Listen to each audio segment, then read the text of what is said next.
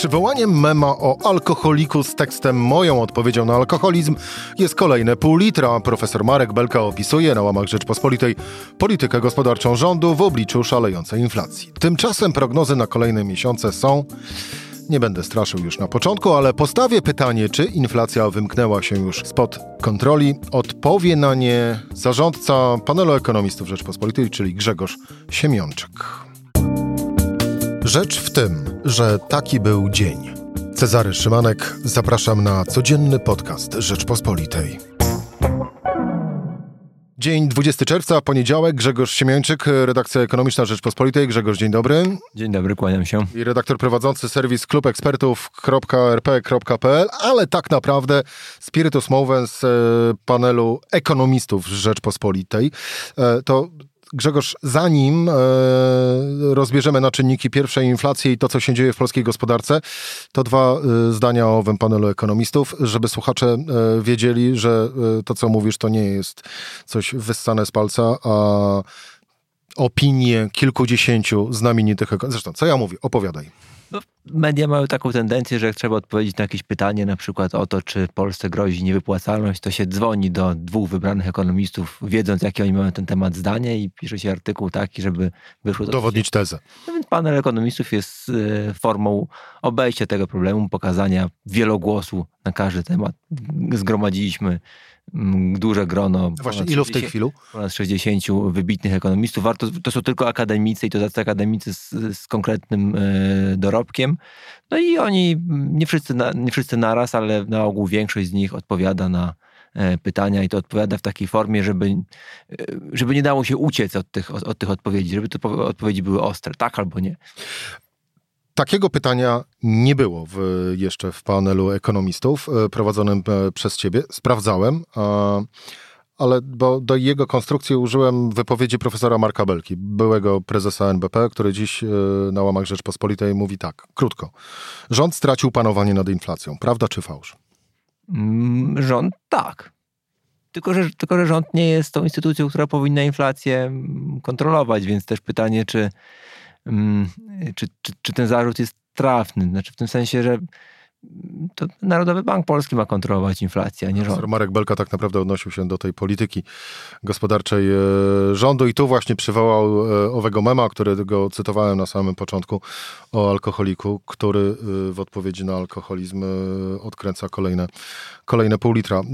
Ale zostawmy już Rząd, rząd, rząd, tak niewątpliwie robi. Rzeczywiście ta, mm, to, to, co ekonomiści lubią nazywać policy mix, czyli tym y, całokształtem polityki gospodarczej złożonej z polityki fiskalnej i polityki pieniężnej, no to ten policy mix jest rzeczywiście dosyć absurdalny, no bo mm, rząd y, y, łagodzi politykę fiskalną na wszelkie możliwe sposoby, częściowo tłumacząc to wysoką inflacją, której skutki dla obywateli należy jakoś łagodzić, a jednocześnie bank centralny zacieśnia politykę pieniężną, żeby skompensować skutki tej łagodnej polityki pieniężnej. Jest to dosyć e, mm, kuriozalne. kuriozalna sytuacja. Tak. No właśnie, ten cytat Marek Belka przywołał go z kolei w odpowiedzi na jedną z wypowiedzi minister rodziny Marleny Malą, która mówiła, że 14 emerytura jest naszą odpowiedzią na wysoką inflację. No i właśnie to jest ta, ta kuriozalna e, polityka, ale zostawmy na, przynajmniej na chwilę e, na boku e, ową wymianę zdań, a skupmy się na rzeczach e, poważniejszych i,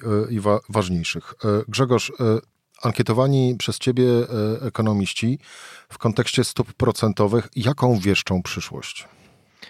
Mm, no, chyba nikt nie ma wątpliwości, że stopy procentowe będą rosły. Natomiast ja nie pytałem ich o to, dokąd stopy procentowe zajdą, a zapytałem ich o to, czy powinny być na poziomie inflacji. To jest taka dosyć zdroworozsądkowa teza i też popularna i głoszona przez wielu wybitnych ekonomistów, nie tylko w Polsce. Mm, jest taki ekonomista Lawrence Summers, były sekretarz stanu, sekretarz były minister finansów Stanów Zjednoczonych. Sekretarz skarbu. Skarbu, tak jest. E, I on, e, tutaj jego zdanie jest o tyle ważne, że on, e, kiedy administracja Bidena na początku 2021 roku kolejny pakiet fiskalny przedstawiała, to on ostrzegał, że to będzie źródło inflacji I, no i wygląda na to, że się nie pomylił. Znaczy on mówi, że to będzie za dużo. I on teraz twierdzi, że żeby tą inflację, y, która przez tą ekspansywną politykę fiskalną została wywołana, to żeby ją stłumić, to stopy procentowe muszą być dodatnie w ujęciu realnym, czyli muszą wzrosnąć powyżej tej stopy inflacji. Czyli żeby u nas tak było, to musiałoby być 13,9 i jeszcze, czyli powiedzmy 14,5%. Tak, teoretycznie tak. I to jest bardzo urokliwa teza i bardzo taka zdroworozsądkowa. Znaczy, wydaje się, że jeśli ludzie mieliby zacząć jakoś oszczędzać, to musieliby mieć, czyli nie, nie wydawać, a, oszczędzać, to musieliby mieć pewność, że te ich oszczędności e, nie topnieją, nie tracą na, na, na, na wartości. No i w tym celu stopy procentowe powinny być wyższe niż inflacja. No dobrze, ale zapytałeś i? O, o dziwo większość, głosy są bardzo podzielone, ale większość, tam niewiele ponad 50% uważa, że tak być nie musi. Około 40% uważa, że tak powinno być. Jak argumentują swoją odpowiedź ci, którzy mówią, że tak być nie musi, czyli że stopy procentowe realnie nie muszą być wyższe niż poziom inflacji? No, zasadniczym argumentem jest to, że jakby bardzo trudno jest zmierzyć, co to jest e, realna, realna stopa procentowa. Znaczy ona nie powinna być wyższa od bieżącej inflacji, tylko od przyszłej inflacji. E, no a mm, czyli ona musi być wyższa od oczekiwanej inflacji. Ta oczekiwana inflacja w perspektywie roku to jest właśnie około 80%. No i mm, z tej perspektywy patrząc, to już 10% byłoby wystarczające. No ale drugą ważniejszą sprawą jest to, że mm, ludzie nie postępują tak e, do końca racjonalnie. Znaczy ludzie jednak ulegają takiej iluzji nominału, patrzą sobie na tę stopę procentową, która jest na przykład na poziomie 8% albo 6% i mogą uznać, że to już jest wystarczająco wysoko, żeby zacząć oszczędzać. I z tej perspektywy patrząc, e, znaczy oni nie muszą rozumieć, że tracą, że, że realnie ich, e, ich majątek e, topnieje. I patrząc z tej perspektywy może wystarczyć podniesienie stóp procentowych do poziomu na przykład 8%, i w ten sposób jakby tą inflację i tak się uda ograniczyć, a nie powodując tak dużych kosztów e, gospodarczych. Przy założeniu, że rząd nie będzie otwierał kolejnego y, sławetnego już y, pół litra.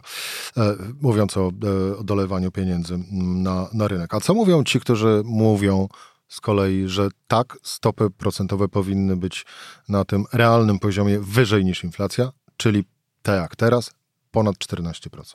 No, oni właśnie mm, stosują taką naiwną, e, naiwną, mm, powiedziałbym, definicję e, realnej stopy procentowej, czyli taką, od której się po prostu odejmuje bieżącą inflację, ale oni też uważają, że e, że, to, że, że, że, potrzebne jest takie radykalne, e, radykalne posunięcie, żeby na dłuższą metę te stopy procentowe były e, niższe. Czyli, Zimny prysznic? Tak, to wydaje się, że, wydaje się, że tak, że, to, że, że, oni o tym myślą jako takim krótkotrwałym, krótkotrwałym e, posunięciu, które potem tak naprawdę odblokuje możliwości e, obniżania stóp. No tak, ale gdyby nawet, powiedzmy, hipotetycznie na kwartał obowiązywały w Polsce tego typu y, te stopy procentowe, takiej wysokości, czyli dla przykładu, niech będzie owe 14,5, to to miałoby wtedy dosyć negatywne skutki dla samej gospodarki jako takiej, w tym a właśnie no, przede wszystkim dla naszego rozwoju gospodarczego. No, tu zasadniczym problemem jest to, że właściwie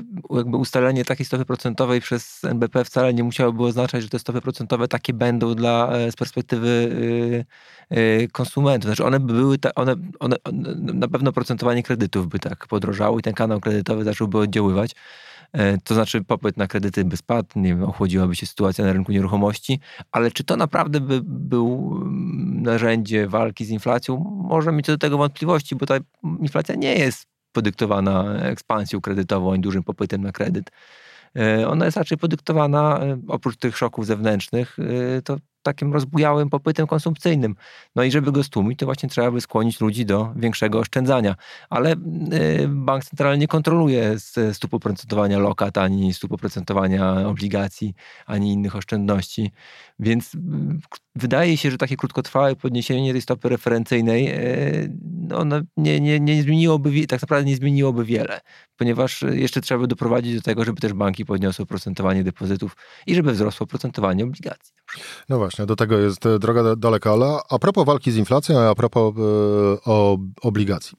Profesor e, Marek Belka w tym również wywiadzie, który dziś w Rzeczpospolitej mówi tak, NBP powinien wyemitować obligacje antyinflacyjne o oprocentowaniu równym inflacji albo wyższym od niej. Tymczasem e, premier Mateusz Morawiecki e, kilka dni temu zapowiedział emisję specjalnych obligacji detalicznych, które z kolei mają skłonić banki do podwyższenia oprocentowania depozytów, a to zaśmiałoby zachęcić Polaków do oszczędzania, tłumiąc popyt konsumpcyjny i osłabiając presję na wzrost cen. Pytałeś o to e, e grono e, kilkudziesięciu ekonomistów o ów sposób na walkę z inflacją poprzez właśnie owe obligacje. Co oni na to?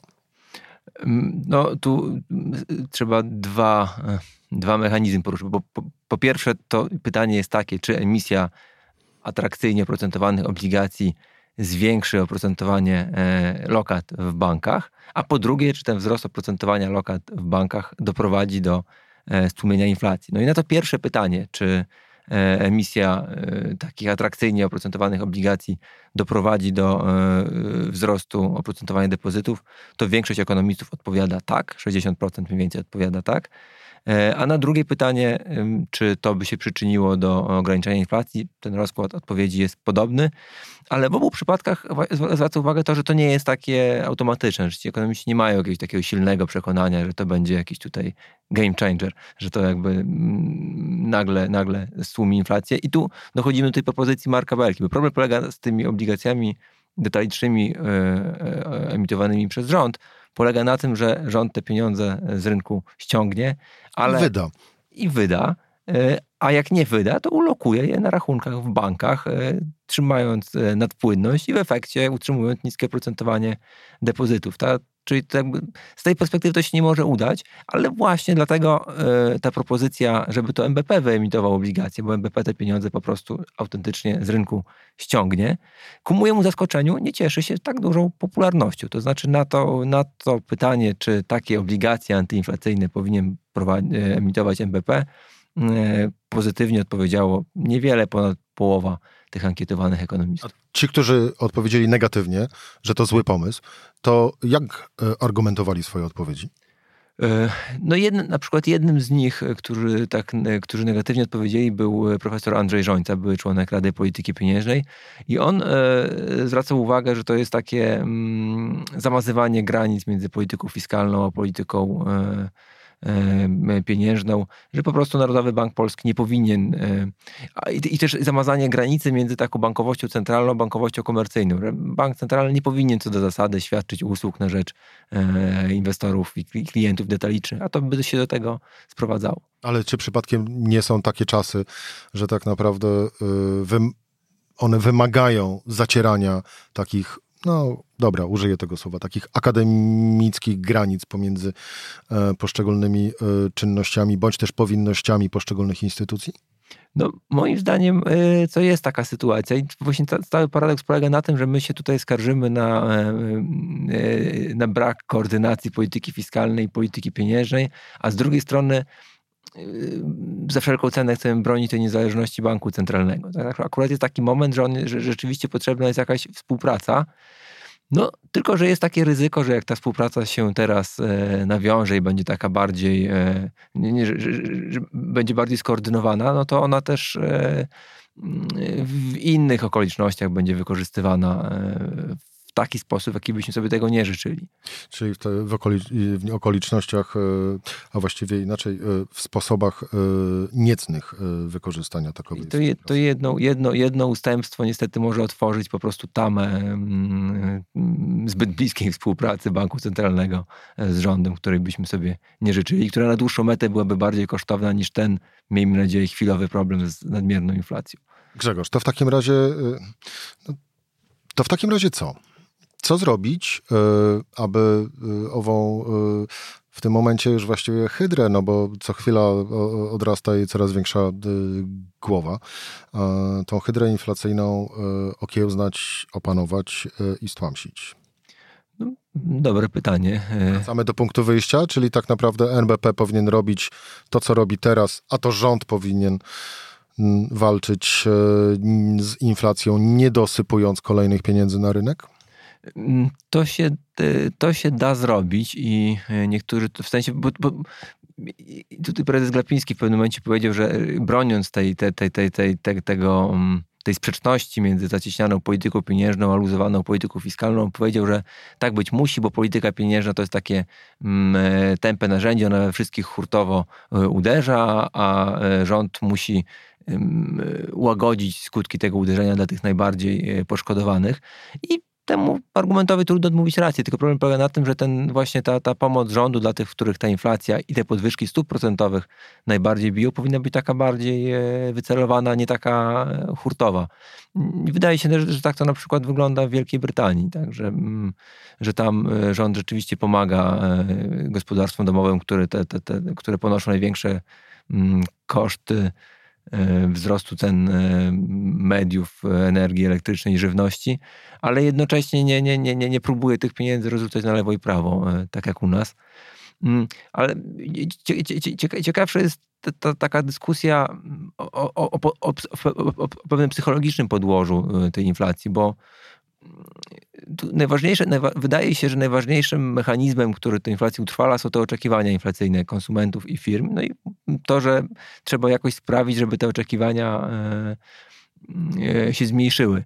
I znowu patrząc z tej perspektywy, ta radykalna podwyżka stóp procentowych, o której mówiliśmy, ona, ona nawet gdyby miała nie zadziałać w taki sposób e, mechaniczny, że na przykład zwiększyłaby skłonność do oszczędzania, to ona mogłaby stanowi taki sygnał, że, że, że, że, że bank centralny poważnie traktuje ten swój mandat i w związku z tym należy oczekiwać, że ta inflacja spadnie.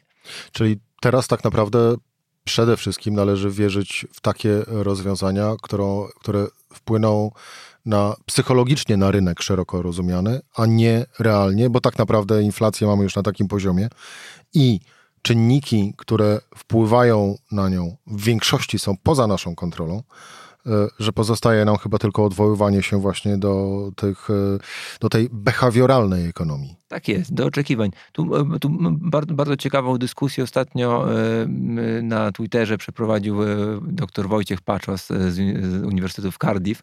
On, on odwoływał się do swojego artykułu sprzed paru już lat, który nie dotyczył bieżącej sytuacji, ale pokazywał w jaki sposób firmy zarządzają swoimi marżami zysku. I i te jego badania pokazują, że w warunkach inflacji, e, kiedy firmy oczekują wzrostu e, cen, one mają tendencję do podnoszenia swoich, ten swoich produktów i usług tak jakby na zapas, żeby, żeby e, wiedząc, że te ceny rosną, żeby się nie pomylić, to podnoszą trochę bardziej niż by to wynikało z tych e, oczekiwań inflacyjnych. No, to jest samo nakręcająca się tak spirala. Jest. I to właśnie dobrze pokazuje, dlaczego te, dlaczego te w jaki sposób do tej walki z inflacją podejść, jak, dlaczego te oczekiwania są takie, takie, takie ważne. Tak? I, I od tego można zacząć dyskusję, jak, jak z tą inflacją walczyć. Dyskusja byłaby zapewne, zapewne długa. Krótkie pytanie na koniec. Nie wiem, czy dasz radę odpowiedzieć, e, ale to kiedy, w którym miesiącu dokładnie zacznie spadać inflacja? E, w październiku. Nie, nie, w październiku ma jeszcze osiągać szczyt. No właśnie, tutaj się te, te, te, te oczekiwania się mocno rozbiegły, bo długo, długi czas była taka narracja dominująca wśród ekonomistów, że ta inflacja szczyt osiągnie w lipcu, a teraz część ekonomistów mówi, że jednak w październiku. Wszystko będzie zależało tak naprawdę od cen e, e, ropy naftowej, bo to ona, ona teraz jest tym, to determinantą inflacji. No, wydaje się, że w przyszłym roku będzie niższa niż jest teraz. I to jest ten optymistyczny e, chyba aspekt. tej, wersji, tej wersji się trzymajmy. Chociaż rozumiem, że zapytałeś to dlatego, że stopy procentowe mają rosnąć do tego momentu, do którego będzie rosła inflacja, więc to ma takie znaczenie e, zupełnie praktyczne, Jak e, a nie czysto teoretyczne. Jak najbardziej. Grzegorz Siemiańczyk, e, panel ekonomistów, redaktor zarządzający owym no, gronem, tak to nazwę, nie przedsięwzięciem, można czytać na stronie klubekspertów.rp.pl. Polecam, zachęcam, nazywam to unikalnym przedsięwzięciem. Unikalne przedsięwzięcie. E, Grzegorz Siemiańczyk, raz jeszcze dziękuję Ci bardzo. To była rzecz w tym e, w poniedziałek. Cezary Szymanek, do usłyszenia jutro o tej samej porze.